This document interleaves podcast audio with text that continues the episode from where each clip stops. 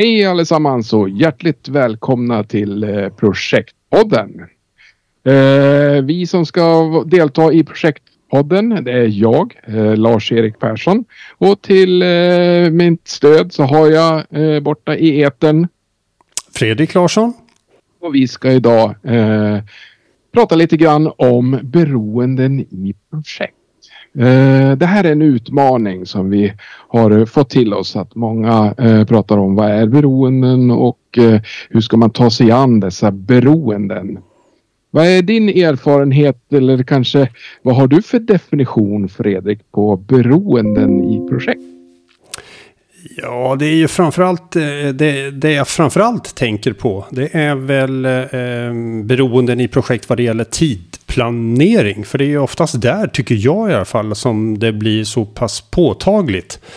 Att det finns beroenden mm. mellan olika aktiviteter. Så det, det är väl det första jag tänker på. Och sen efter det så blir det en mängd följd. Eh, Ehm, I form av att när man börjar jobba med risker eller när man börjar jobba med budgeten och liknande sånt där. Så då, då, då finns det ju en mängd olika beroenden som måste ske i, i rätt ordning helt enkelt. Så det låter ju ganska simpelt och enkelt. Men det är väl som allt annat, att djävulen sitter i detaljerna när man väl börjar och, och, och skrapa på ytan helt enkelt. Mm. Beroenden i planeringen. Eh, det tror jag att eh, flera av oss känner till och vilket vi ska komma till. Men du nämner också andra beroenden. Är det, är det typ eh, processberoenden som vi är inne på då och, och kopplingar i, i genomförandet som du tänker på då eller? Ja, det kan det definitivt vara. att det mm. är ett projekt är ju sällan en, en isolerad eh, enhet. Utan den är ju, det finns ju faktiskt ett samhälle runt omkring som man interagerar i. Inte bara själva projektet utan människorna som jobbar i det också. Man påverkas ju faktiskt av allt ifrån inflation till eh, krig till eh, covid. Eh, såväl som eh, att det händer, folk måste vara hemma och vabba och, och liknande. Sådär. Vilket är ja, mm, är helt normalt. Men det är ju faktiskt beroenden som påverkar ett, ett projekt. Och det är väl det som är den stora mm. utmaningen. Att eh, hade projektet bara varit helt isolerat och levt i sin egen lilla bubbla. Så hade ju eh, projektledning inte varit så utmanande. Tror inte jag i alla fall. Utan det är ju när man måste interagera med det omgivande samhället. Som det är då som, det, som utmaningen kommer. Men du Fredrik, då kanske någon funderar så här beroendet och interagerandet och, och eh, är inte, det, är inte det risker vi pratar om då? Eller hur, hur kan du förtydliga att eh, beroendet kontra risk där? Eh, för man kan ju tänka sig att, att någon identifierar en risk att en, en kompetens kan bli sjuk eller vara hemma och vabba eller det kan komma en risk av en pandemi eller vad det nu må. Hur, hur, kan, vi, hur kan vi hjälpa våra lyssnare att skilja eller, eller se vad ett beroende är kontra en, en en risk kanske? Ett beroende det är ju någonting som jag redan har konstaterat. Att för att jag ska kunna klara av att genomföra den här aktiviteten som jag är ansvarig för. Eller det här delprojektet eller vad det nu kan tänkas vara. Så måste följande saker vara klara. Eller jag är beroende av andra människor eller andra leveranser för att jag ska kunna göra mitt. Sen kan jag göra mitt. Mm. Eh, och då lämnar jag över till någon annan. Till exempel med det resultat som jag har kommit fram till. Det ser jag som ett, ett beroende. Eh, mm. Eh, och det är det som är den... En, kop en koppling? Ja, en koppling ja. Precis. Och, och rent ja. visuellt så brukar man ju i, ja, i Gantt-scheman eller i tidplaner och sånt där. Så brukar man helt sonika bara rita en pil emellan de olika beroendena. Den här måste vara helt klar innan nästa aktivitet kan påbörjas. Eller den här kan påbörjas parallellt med den här. Det är ju otroligt viktigt för att man ska kunna med det, eh, hinna med, eh, mäkta med det aktiviteterna. Men den stora utmaningen i det hela, det, det som vi pratade om tidigare, det är ju att identifiera alla dessa kontaktytor eller beroenden som, som finns. Det är ju det stora hantverket, tycker jag. Vad är det som händer om vi inte identifierar våra beroenden? Hur kan det påverka oss om vi inte gör det då? Ja, då blir det ju helt enkelt att, eh, eh, att jag står och, och eh, jag ska starta upp min aktivitet. Eh, och då eh, inser jag att jag har inte alla förutsättningar för det. För att jag, det, det är någon innan process, in, tidigare i projektet eller som inte har levererat saker och ting. Antingen på grund av att man då har, att det är omständigheter som har gjort det. Eller att man inte har tänkt igenom hela, hela processen. Vilken ordning som vi ska genomföra alla dessa tusentals aktiviteter eller arbetspaket. Eh, och det är ju där som det, som det börjar att halta. För det som det kommer att medföra det är ju att jag inte kan hålla min tidplan. Och då kommer det att medföra att hela projektet kommer att eh, skjutas framåt eller påverkas på något sätt. Så, så eh, om vi gör det lite enkelt. Eh, ett ett om vi inte identifierar ett beroende så kan det få en konsekvens senare eller det kan få, vi behöver inte säga att senare, men det kan få en konsekvens i projektet i genomförandet för dig eller någon annan helt enkelt. Ja, och då kommer det medföra... En, på, en, en, påverkan kan vi säga. Ja. En påverkan ja. kan det få. Ja, ja. definitivt. Eh, vilket medför att då måste jag börja trolla med knäna eller för att hinna med saker och ting och, och, det är inte det som vi ska, eh, som vi ska planera för. Eh, att det händer saker och ting. Eh, alltså saker som vi inte kan förutse. Jag menar, det vet vi att så är fallet. Ja.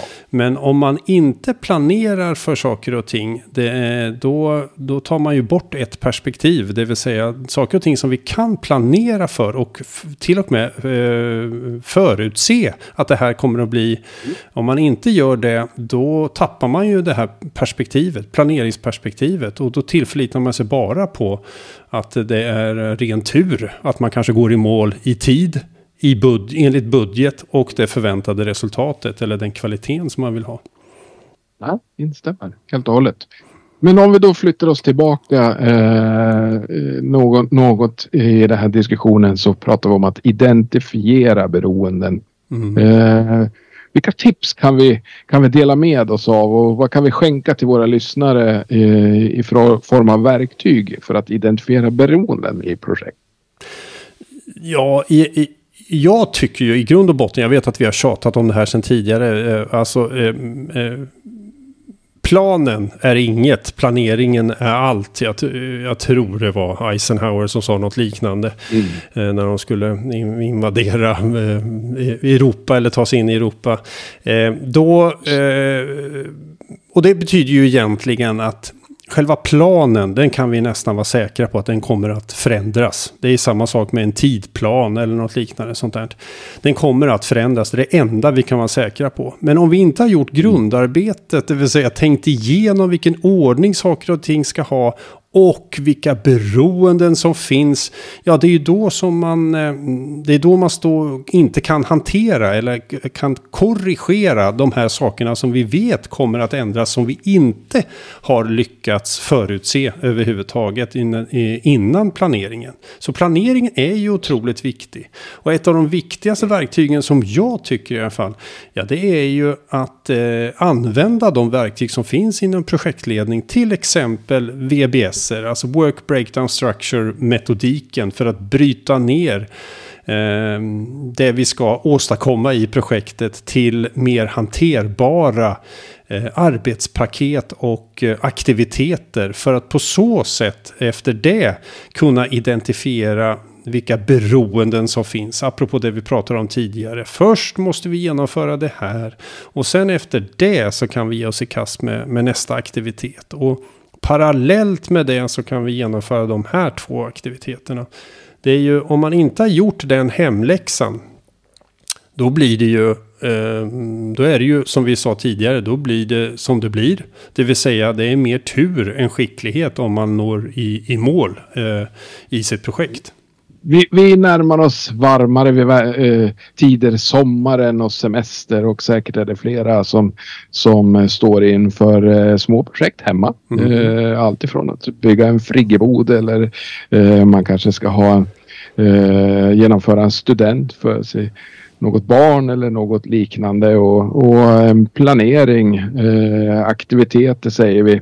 Eh, om, om vi skulle bli handfasta här nu, de som är nya inom, inom projekt och projektledning. Eh, hur skulle man kunna praktiskt. Eh, vilka verktyg har du använt dig av eh, Fredrik i praktiskt göra en, en planering och, och, hitta de här beroendena? Kan det ha varit eh, whiteboard, eh, post-it?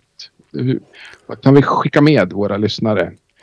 Ja, dels är det ju metodiken, eh, det var ju den som jag pratade om tidigare, alltså eh, mm. VBS eller Work Breakdown Structure, den, den, den, gillar jag. Sen så finns det en mängd olika IT-stöd som man kan använda i, i, i det. Men det viktigaste, absolut viktigaste, det är ju att man har en metodik att utgå ifrån, till exempel Work Breakdown ja. Structure. Och att man involverar alla människor som, som, som är med i projektet. Så att man inte sitter hemma på kammaren själv och tror att eh, jag som projektledare, jag kan allting om det här. Utan man involverar alla eh, olika discipliner eller kompetenser som får vara med och eh, tycka till om eh, alla dessa aktiviteter. För man kan ge sig 17 på att man har glömt någon aktivitet eller någon viktig del i projektet som har en avgörande roll eh, kan man ge sig 17 på sen. Eh, för att kunna slutföra hela projektet. Så att det är två stycken grejer som jag tycker är viktiga. Det är en metodik att arbeta efter som alla känner till. Till exempel VBS, alltså Work Breakdown Structure. Och det andra det är att involvera alla kompetenser eh, Eh, i projektet. För det är ju först då som man får en heltäckande syn på vilka beroenden som finns, vilken ordning vi ska göra saker och ting. Eh, och det är det som jag tycker är det absolut viktigaste. De två bitarna.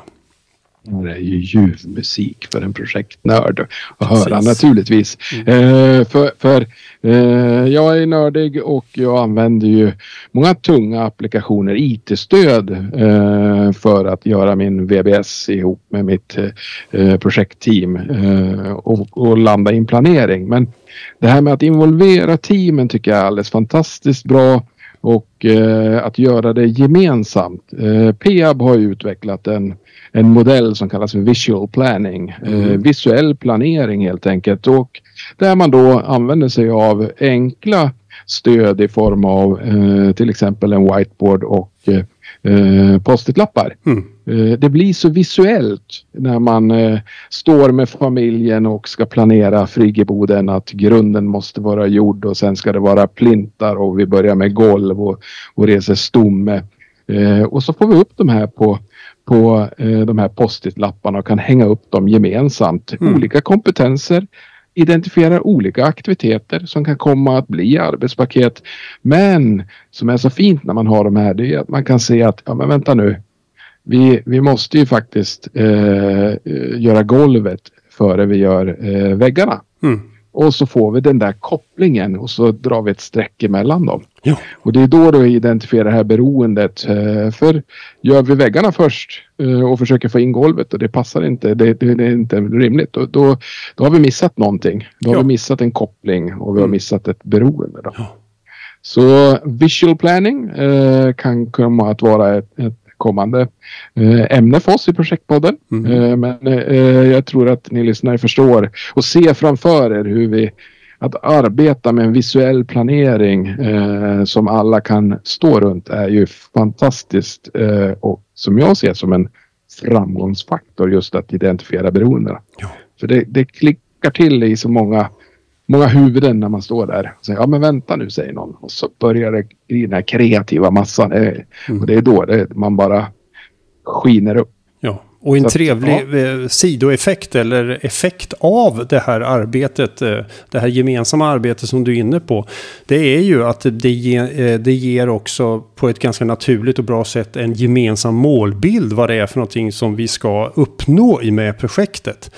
För även om man säger att man ska då tillverka eller göra den här friggeboden så, så finns det ju olika synsätt på hur en sån kan tänkas se ut till exempel. Men har man då gjort det här gemensamt, ja då är det ju eh, då är det mycket lättare i projektgruppen att kunna visualisera vad är det vi ska uppnå. Och på så sätt så underlättar ju det här arbetet att, eh, att kunna driva projektet och Eh, ökar sannolikheten att man då når tid, kvalitet och till den förväntade kostnaden på, på ett avsevärt mycket bättre sätt. Eh, finns det olika typer av beroenden Fredrik? Har du identifierat om det finns eh, eh det, det exempelvis kritiska beroenden eller, eh, eller om det finns beroenden som mer är sekventiella i en planering eller definierar man beroenden på olika sätt? Det är någonting som du har stött på. Ja, det finns ju någonting som man kan, brukar kalla för critical path eller den kritiska linjen. Och det är ju det är ju där eh, som eh, eh tidslinjen eller eh, det är den kritiska linjen i det hela, det vill säga påverkas eller skjuts någonting på den kritiska linjen, ja då skjuts hela projektet bort. Eh, alltså förlängs till exempel något liknande. Sånt där. Så att det, när man gör en sån här beroenden, då får man fram någonting som heter den kritiska linjen eller den, the critical path. Och då är ju det det snabbaste sättet sättet eh, för att kunna genomföra projektet. Men det ger ju också en, en möjlighet att eh, om man ska laborera i projektet eller simulera olika, kan vi korta ner projektet eller kan vi justera det genom att istället för att göra de här sakerna seriellt, det vill säga vart efter varandra, lägga dem efter varandra, så kanske två av de här kanske vi kan lägga parallellt och sen kan vi göra den tredje Just. aktiviteten. På så sätt så kan man ju också kunna simulera i projektet för att kunna justera när nu saker och ting händer. Till exempel att det kommer in en covid eller någon blir sjukskriven eller något liknande sånt där.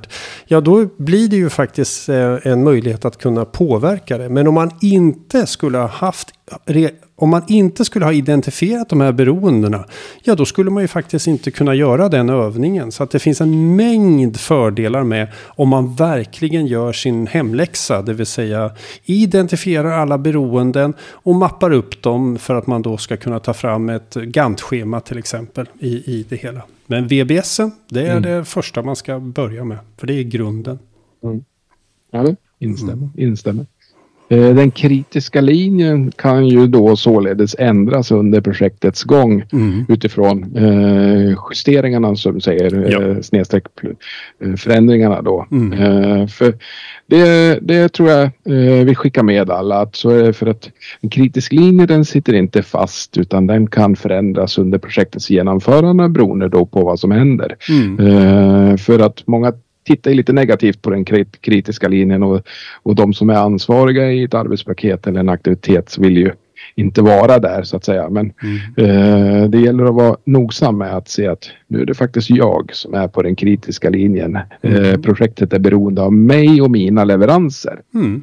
Så, så var nogsamma med att följa den kritiska linjen. Det tycker jag är viktigt. Så. Ja, för det finns ingen mm. slack överhuvudtaget där utan där är det ju verkligen om inte jag levererar det jag ska förväntas göra, då påverkas hela projektet. Det är du som påverkar sluttidpunkten. Typ. Jajamän, jajamän. Ja, eh, beroenden i projekt alltså. Det är viktigt. Ja. Eh, och ju tidigare, helst redan i, i startögonblicket för projektet, mm. när vi gör vår planering. Att identifiera beroenden då, då har vi byggt en grund att stå på inför genomförande av projektet. Mm. Ja, helt rätt. Mycket, mycket intressant. Ja, vad har vi något ytterligare att tillföra kring beroenden i projekt, Fredrik? Nej, nej, jag har inget mer än det där. Det tycker jag definitivt inte. Det räcker gott och väl för att sysselsätta både flera personer inom projektvärlden med det där kan jag tänka mig. Så är det, så är det. Mycket intressant eh, diskussion. Eh, jag har inte heller så mycket mer utan eh, då tar väl vi och eh, avslutar från projektpodden idag. Och så hälsar vi alla hjärtligt välkomna tillbaka mm. i nästa avsnitt. Ja. Tack ska ni ha och ha det gott allihopa. Tack och hej hej. Vi tackar projektpoddens sponsor Peak Consult. Ni kan läsa mer om Peak Consult och deras projektkurser på peakconsult.se.